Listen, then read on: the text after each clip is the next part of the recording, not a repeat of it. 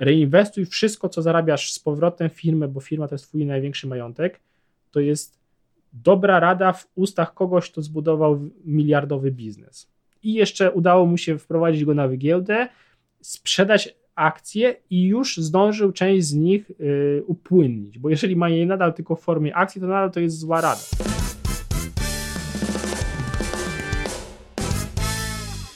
Cześć przedsiębiorcy. W dzisiejszym odcinku porozmawiam sobie o tym, jak majątek i zabezpieczenie majątku wpływa na innowacyjność i zwiększa szanse na przetrwanie Twojej firmy. Twoja firma nie powinna być Twoim jedynym majątkiem. Jeżeli chcesz, żeby ta firma przetrwała i też nie chcesz zbankrutować. I teraz w kontrze do tego można powiedzieć, że przecież największe firmy albo najbardziej doświadczeni czy najbardziej um, cenieni przedsiębiorcy to byli ci, którzy mieli jedną firmę i na niej się skupili i e, cały, wszystko reinwestowali w tą jedną firmę i dzięki temu osiągnęli sukces. Właśnie dzięki temu, że się skupili. Ale masz 95% szans, przynajmniej 95% szans, że tobie się nie uda, a masz 99,9% szans, że nie zbudujesz y, startupu, czyli dużej firmy, która e, osiągnęła jakiś spektakularny sukces. No to są po prostu statystyki, już pomijając to, jak dobrym jesteś przedsiębiorcą. O ile wydaje się właśnie mądre skupianie się w całości i reinwestowanie wszystkiego, co zarabiasz z powrotem w swoją firmę, to jeśli jesteś mądry, to patrzysz również na, na statystykę i patrzysz na, na to, co możesz zyskać i jakie jest zagrożenie. Ja uważam, że musisz budować majątek niezależnie od swojego biznesu. Zdefiniujmy majątek, bo jak patrzę na wielu przedsiębiorców i wiele osób, które zarabia pieniądze, ale nawet na przedsiębiorców, to w ogóle pojęcie majątku za bardzo nie występuje albo nie jest świadomie rozważane. Bo nie mówię o tym, ile twoja firma zarabia albo ile ty zarabiasz. Ważniejszy jest majątek, który zbudowałeś, czyli to, co posiadasz, minus to, co jesteś winien. Taka prosta rzecz, ale jak zadam tobie pytanie, czy posiadasz zestawienie majątkowe, nie zestawienie dochodów, nie PIT za zeszły rok, czy, ale czy posiadasz zestawienie majątkowe? Coś takiego powiedzmy, jak robią politycy, czyli wiesz, ile jesteś winien i wiesz, ile jest wart twój majątek dzisiaj. Nie za ile go kupiłeś, tylko ile jest faktycznie wart. Bo jak nie, no to to jest pierwsza rzecz, którą musisz nadrobić biznes twój nie powinien być twoim jedynym majątkiem, póki tym biznesem zarządzasz. W momencie, kiedy nie zarządzasz swoim biznesem, to to może być twój jedyny majątek, ale prawdopodobnie już wtedy nie będzie, bo już będziesz mądrzejszy, już będziesz wiedział, że y, jakaś forma dywersyfikacji jest mądra. I teraz e, oczywiście największe efekty uzyskuje się, kiedy się nie dywersyfikuje, tylko po prostu stawiasz na, na konia, który wygra, tylko problem polega na tym, że musisz trafić w tego konia, który wygra, a nie masz pewności, że akurat ten biznes, który robisz, na pewno się powiedzie. I to nawet nie jest zależne w 100% od ciebie, bo to może być zależne od tego, że się zmieni prawo, albo że będzie jakiś przełom technologiczny, który uśmierci twoją doskonałą firmę, doskonałą dzisiaj, a za, za rok, za dwa, za trzy ona może być zupełnie nieistotna budowanie majątku niezależnego od biznesu i to majątku bardziej trwałego niż biznes, bo biznes oczywiście potrafi zarobić albo potrafi zwielokrotnić swoją wartość zdecydowanie szybciej niż jakikolwiek inny majątek. W normalnych warunkach oczywiście są jakieś tam, zawsze są wyjątki, nie? ale powiedzmy, że ktoś mówi, nie będę inwestował swoich pieniędzy w nic innego, dlatego że na biznes jestem w stanie zwielokrotniać ten, te pieniądze dużo szybciej niż na przykład za pomocą nieruchomości, czy, czy jakichś innych form inwestycji. Akurat mi nieruchomości pasują tylko dlatego, że nie muszę się nimi na co dzień zajmować, e, więc mam czas na, na biznes. Ale to wcale nie muszą być nieruchomości, to może być dowolna inna forma inwestycji, która faktycznie jest inwestycją, a nie wydatkiem. Samochód nie jest inwestycją oczywiście w prawie każdym przypadku, jest wydatkiem, który ma jakąś wartość dzisiaj i ta wartość maleje. Ja tu wartość na przykład sobie też uwzględniam w swoim zestawieniu majątkowym. Daję Ci pod rozwagę tak, taką myśl i myślę, że argumenty, które Ci za chwilę podam, mają sens. Dla mnie ważne jest to, żeby mój majątek poza firmą, czyli nie liczę w ogóle firmy do swojego majątku.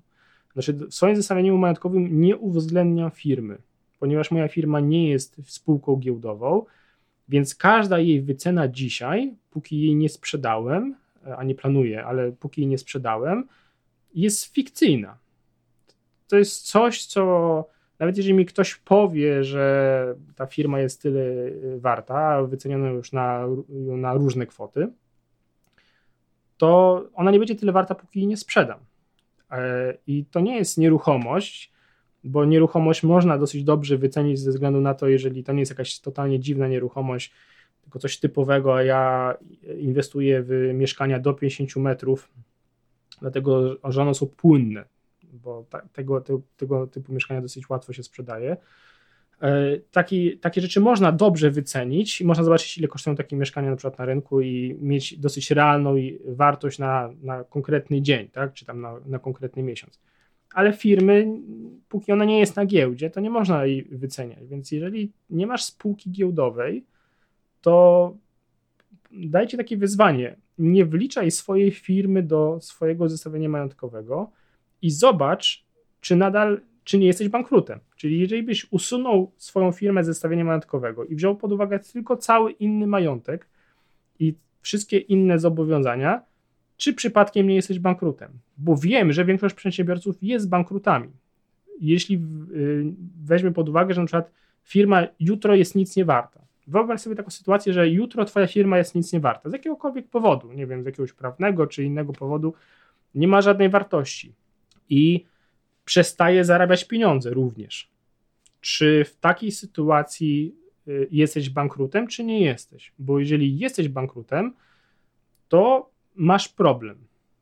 Masz problem, dlatego że masz jedno źródło, nawet już nie majątku, tylko masz jedno źródło dochodu, które potencjalnie jest majątkiem, ale tego tak naprawdę nie wiesz. Nawet na spółkach giełdowych nie można do końca polegać, polegać jako na trwałym majątku, a co dopiero na działalności gospodarczej albo nawet spółce, która jest zwykłą spółką ZO i, um, i nie jest w żaden sposób nigdzie notowana.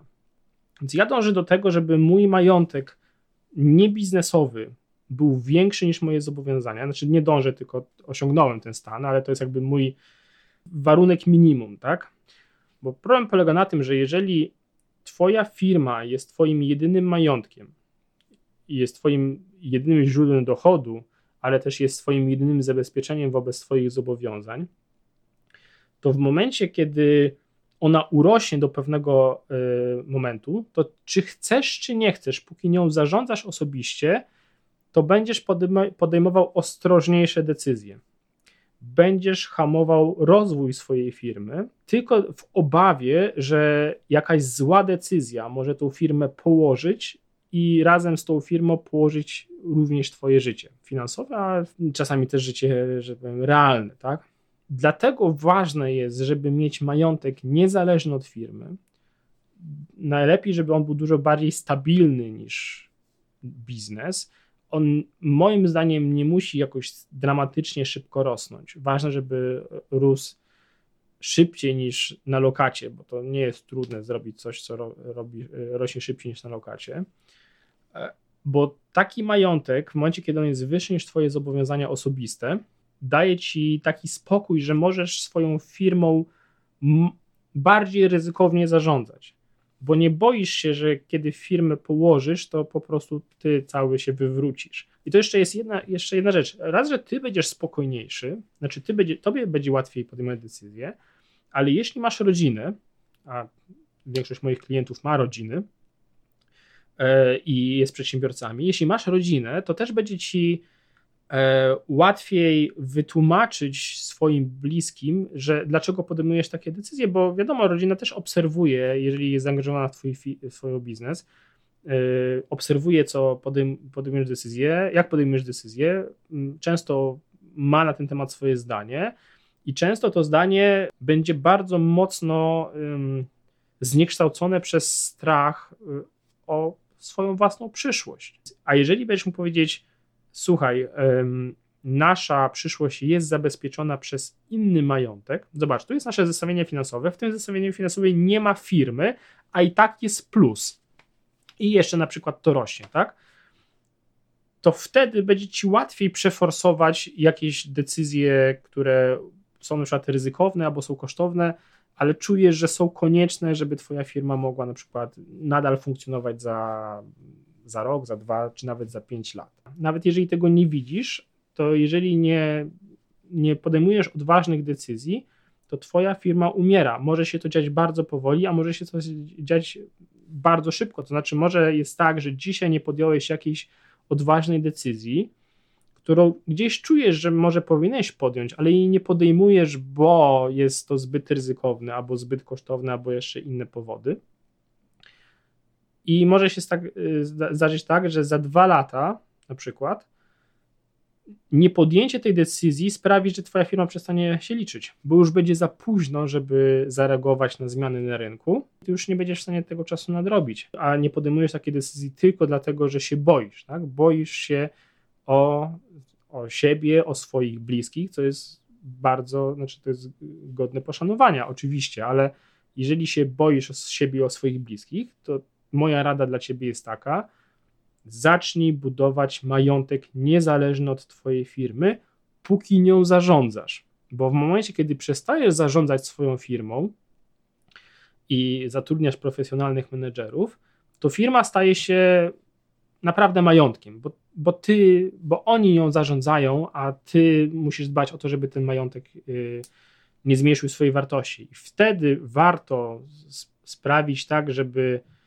przynajmniej część tej firmy zamienić na majątek, który jest rzeczywiście da się sprzedać, a żeby, ma, a żeby firmę dało się sprzedać, ona musi być usystematyzowana, musi mieć jakąś markę, to wszystko musi być uporządkowane, bo firma nawet taka sprawnie działająca, ale która jest po prostu firmą, powiedzmy, nie wiem, usługową, która obsługuje klientów, ale w tym nie ma żadnego systemu, nie ma żadnej przemyślanej strategii, nie ma żadnej marki. Nawet jeżeli klientów jest dużo i powiedzmy cały czas są obroty, to taka firma będzie dużo mniej warta niż coś, co jest pudełkiem, które da się sprzedać. Tak? Coś, co ktoś może kupić, przejąć razem z podręcznikiem zarządzania taką firmą, tak jak w, powiedzmy w formie franchisingu i to daje mu pewność, że może to dalej rozwijać, bo jeżeli firma nie ma takiej formy, no to każdy kupiec będzie chciał ją kupić z pracownikami, z ludźmi zarządzającymi. A kupienie firmy z, z zarządzającymi nie jest takie proste, no bo ci zarządzający mogą odejść i to, to wszystko obniża wartość Twojej firmy. Dlatego pewnie naj, najbezpieczniejszym podejściem jest takie, w którym w ogóle nie traktujesz swojej firmy jako majątek, póki jej nie sprzedasz, a część pieniędzy, które generuje Twoja firma, przeznaczasz na to, żeby zbudować sobie majątek zupełnie jakby oderwany od Twojej firmy, czyli najlepiej, żeby też był oderwany od branży, w której siedzisz, no bo zazwyczaj to, co uśmierca najszybciej firmy poza jakimiś przekrętami i, e, i łamaniem prawa, to jest drastyczna zmiana w branży. Więc jeżeli Twój majątek jest powiązany bezpośrednio z branżą, w której funkcjonujesz, to jest duża szansa, że ten majątek jest tak samo niebezpieczny jak ta twoja firma i tak samo nietrwały jak ta twoja firma. Nawet jeżeli ona ci się wydaje trwała, to, to firmy nie są trwałe. Mogą, yy, znaczy jakby z zasady firmy nie są trwałe. Mogą być trwałe, czyli mogą przez lata się utrzymywać, przez dekady, przez setki lat, ale sama firma jako koncept nie jest trwała podlega ciągłym zmianom rynkowym, tak? podlega zmianom prawnym. Dlatego powinieneś mieć majątek, który jest niezależny od Twojej firmy. Przynajmniej taki, który będzie większy niż Twoje zobowiązania. On nie musi być jakiś kolosalny, bo też nie chcemy um, sprawiać, że nasza firma rośnie za wolno, bo wszystko reinwestujemy na zewnątrz. To jest inny zły pomysł, tak? Albo wszystko wydajemy na zewnątrz i firma usycha, bo, bo brakuje jej dopływu gotówki ale nie bądź głupi, spójrz na statystykę, pomyśl mądrze i przestań jakby, jeżeli jesteś przekonany, że akurat twoja firma się na pewno uda, to to jest myślenie, które jest niepoparte faktami. To jest myślenie, które jest poparte marzeniami. Życzę Ci, żeby się to marzenie spełniło, ale jeśli bierzemy pod uwagę to, że jesteś odpowiedzialny za kogoś więcej niż za siebie samego, to powinieneś kierować się również faktami, przynajmniej w kwestii zabezpieczenia finansowego. Więc to jest moja rada dla, dla wszystkich przedsiębiorców, którzy zarządzają własnymi firmami. Dzięki za uwagę, mam nadzieję, że to było pomocne.